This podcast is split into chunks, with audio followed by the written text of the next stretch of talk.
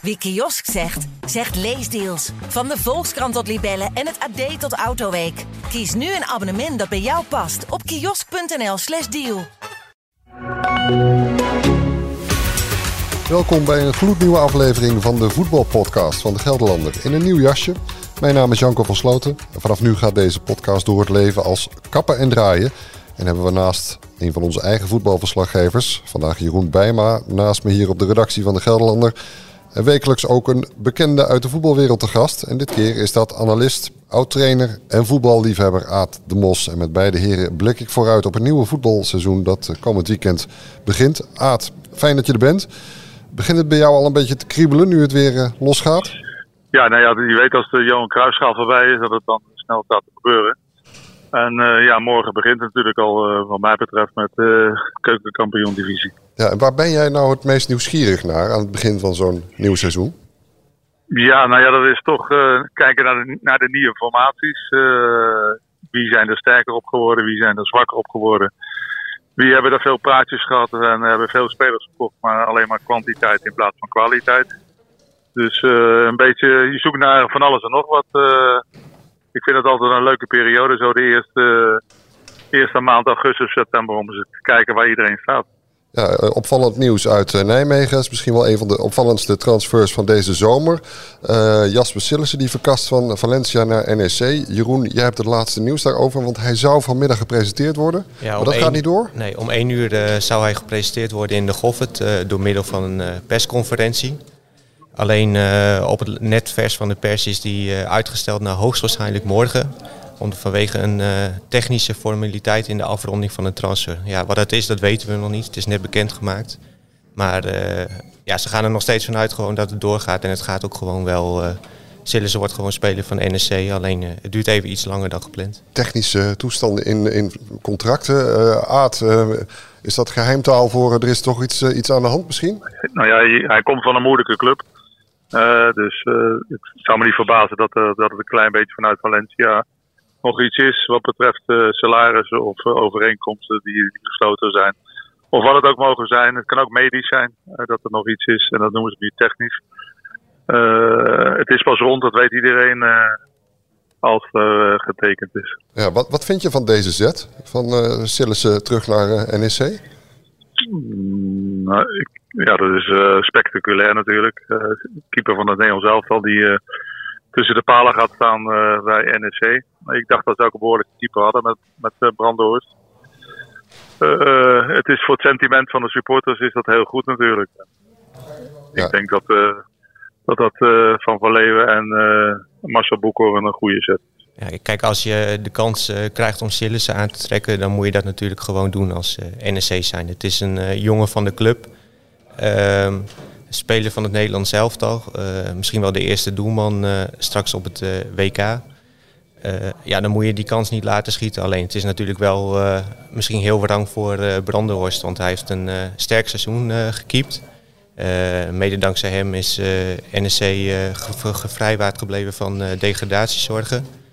Ja, ik hoop dat ze hem van tevoren hebben ingelicht. Uh, je hebt hem nog niet gesproken? Ik heb hem nog niet gesproken. Ik heb hem een berichtje gestuurd, maar hij heeft nog niet gereageerd. Uh, ja, ik neem aan dat hij nu mag vertrekken deze maand, want uh, hij zal zelf niet op de bank willen zitten. Het is natuurlijk voor Sillissen inderdaad ook een manier om weer goed in beeld te komen voor dat WK voetbal. is het in dat opzicht, Aad, ook een, een slimme zet van, van Sillissen? Want hij heeft geloof ik ook nog contact met Van Gaal gehad hè, over deze transfer. Gaal heeft overal tegen alle spelers gezegd dat het noodzaak is om uh, deze maanden die uh, vlak voor het WK is, om, om wedstrijdritme te hebben. En het is te hopen dat hij wel blessurevrij blijft. Want het is niet zo dat, wat jouw collega net zei, dat Brandhorst weg moet gaan. Als je kijkt naar Ajax met Pasveer, Stekelenburg, zijn oude keepers, vrij blessuregevoelig. Dus het kan zomaar zijn dat er binnen twee weken dat, we, dat ze Brandhorst weer hard nodig hebben. Ja, dat kan natuurlijk ook inderdaad. Want het is wel een blessuregevoelige speler, hè, Silas uh, Jeroen. Dat heb ik verleden ook veel gezien. Ja, bij Valencia heeft hij heel veel uh, spierblessures uh, opgelopen. Ook flinke problemen gehad met zijn heup. begin dit jaar is hij nog geopereerd aan zijn kuit.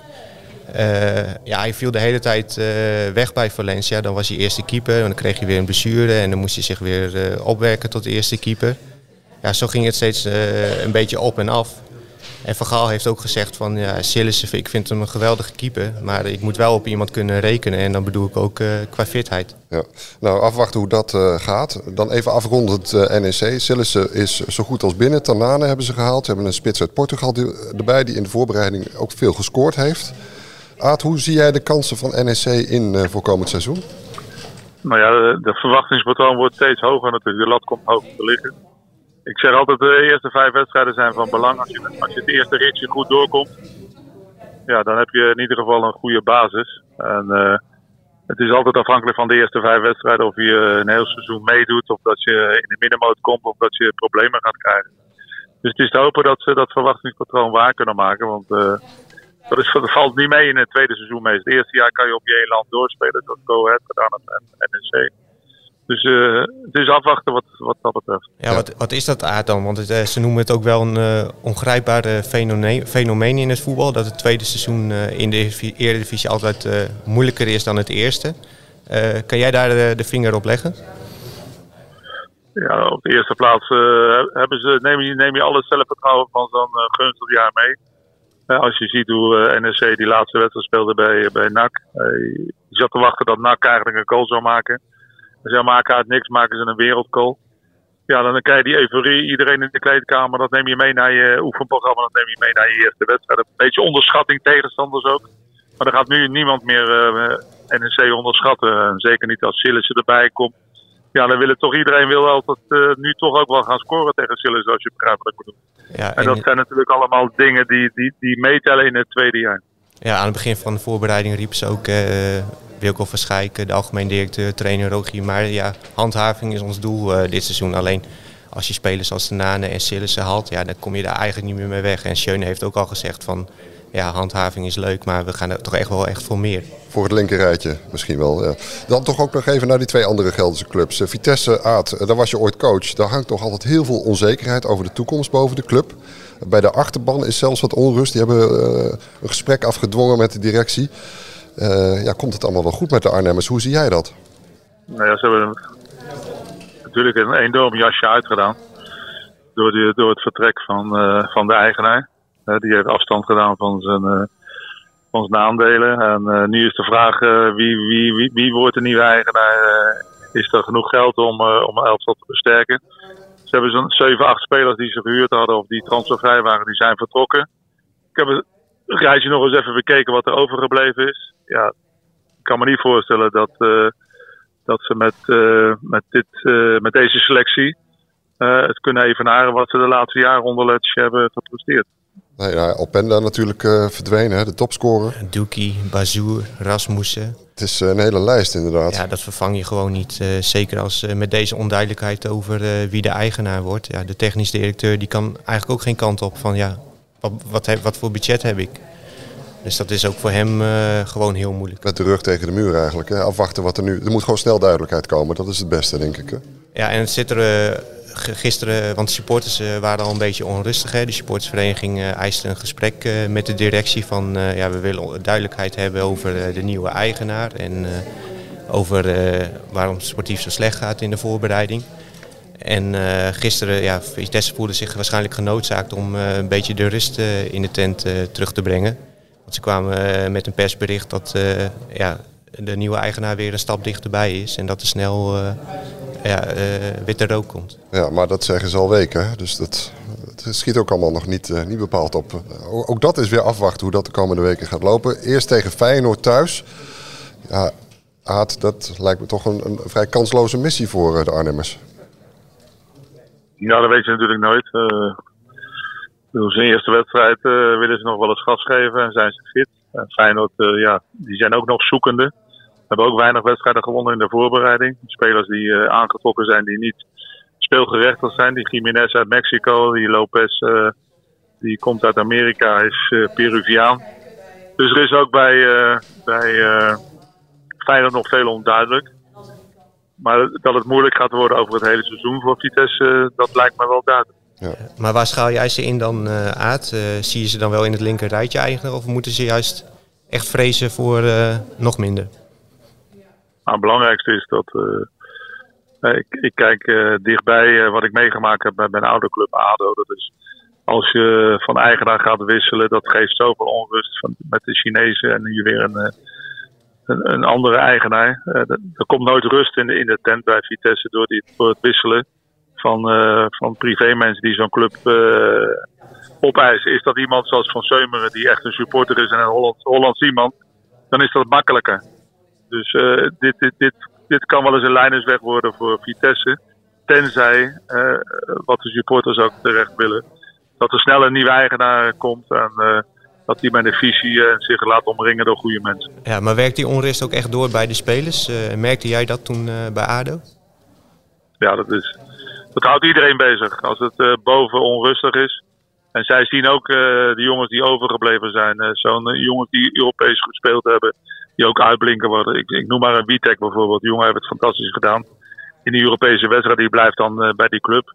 Je ziet ook dat zeven, acht basisspelers zijn vertrokken. En die wordt omringd nu met, met jonge spelers. spelers zonder naam. En dat moet allemaal gaan settelen. Dat is niet prettig. Een divisie lager dan uh, Aad en uh, Jeroen, uh, de Graafschap, de trots van de Achterhoek. Daar was het ook jaren onrustig. verschillende trainers ontslagen. Nu twee spelers van naam aangetrokken. De Doetinchemmers Alexander Buutner en Siem de Jong. Die kunnen op de fiets naar, naar het werk. En er klopt talent uit eigen huis op de deur. En de nieuwe trainer Adrie Poldervaart die straalt veel ambitie uit. Maar dan moet het allemaal nog wel even gaan gebeuren. Jeroen, hoe kijk jij tegen de ontwikkelingen daaraan? Ja, positief. Er lijkt wel gewoon uh, nieuw leven in de club uh, te zijn uh. Want ja, iedereen is positief, optimistisch. vorig jaar was natuurlijk de sfeer heel negatief. was ook niet zo gek, omdat ze natuurlijk rampzalig draaiden in de competitie. maar nu ja, nieuwe technisch directeur, nieuwe trainer, veel nieuwe spelers. Echt jongens van de club ook ja, dat uh, brengt alleen maar positiviteit met zich mee. Ja, Aad, uh, concurrentie is natuurlijk wel steviger in de eerste divisie. Er zijn ook een paar uh, clubs gedegradeerd die nu toch waarschijnlijk wel willen meedoen om, om het kampioenschap. Hoe zie jij de kansen voor de superboeren? Nou, ik denk dat plaats 7, 8 of 9, dat moet, dat moet voor de graafschap moet dat haalbaar zijn. Maar de rest, die schat ik toch hoger in. Ik denk dat een Heracles, ADO, en uh, Willem II, uh, Roda, Almere zitten niet vergeten. Dat, dat, zijn toch allemaal clubs die uh, een groter budget hebben. En ik denk dat je bij de graafschap op lange termijn iets moet verwachten. Zeker omdat er veel jonge jongens zijn bijgekomen. Aan de hand van, van jongens als Butner en de Jong. dat die de tijd nodig hebben, zeker met de trainer ook. Om iets neer te zetten. En dan zullen er eerst nog twee uh, grote clubs die al jarenlang in de Eredivisie zijn. En Willem II en Heracles of ADO uh, moeten, die moeten ze eerst een stap laten maken. Dan, en dan kunnen zij misschien een stap maken. Als je de afgelopen jaren plek 7, 8, 9, dat dat het doel van de graafschap moet zijn, dan ja, hadden ze je uitgelachen en hadden ze daar natuurlijk nooit tevreden mee zijn geweest. Maar dat komt nu ook natuurlijk omdat ja, die competitie, de keukenkampioen divisie, is misschien wel sterker dan ooit. Je hebt Willem II, Heracles, en dan heb je nog uh, vier, vijf ploegen die gewoon uh, de ambitie hebben om eerste te worden. Ja, en dat heilige doel om, om te promoveren wordt dan ook moeilijker. Hè? Dan, terwijl ze er zo naar snakken in de Achterhoek. Ja, het wordt, uh, het wordt nu, komend seizoen wordt natuurlijk echt de opdracht wordt loodzwaar. ja, het is gewoon niet realistisch om te denken dat de graafschap bij de eerste twee gaat eindigen. En dan moet je inderdaad focussen op de play-offs. Ja, en dan kunnen ja, de gekste, gekste dingen gebeuren. Dat heb je wel gezien met NEC twee jaar geleden. Ja, ze hebben, ze hebben eigenlijk de boot gemist, eh, net als ADO in, in, in zo'n laatste wedstrijd. Ik kan me die wedstrijd nog herinneren dat ze bijna met anderhalf been al in de eredivisie zaten. Die wedstrijd tegen Ajax, die ze niet leggen. Eh, de wedstrijd tegen Helmond Sport met het, uh, met het veld onder water. Dus uh, ADO in de laatste wedstrijd ongelooflijk 3-0 voorstaan. Dus er zijn clubs die missen die boot uh, ongelukkig. En dat, dat, werpen ze toch wel één of twee jaar terug. We gaan het zien uh, hoe de clubs het er vanaf brengen komend weekend. Dan rolt de bal weer en we hebben er volgens mij allemaal zin in. Aad de Mos, dank voor je aanwezigheid. Jeroen, maandag spreken we jou weer in de podcast met een terugblik op het eerste weekend. En alle andere sportverhalen, sportnieuws over Vitesse, NEC, de Graafschap zijn te vinden in onze app en op de site dg.nl. Dank voor het luisteren en tot de volgende. Wie kiosk zegt, zegt leesdeals. Van de Volkskrant tot Libellen en het AD tot Autoweek. Kies nu een abonnement dat bij jou past op kiosk.nl/slash deal.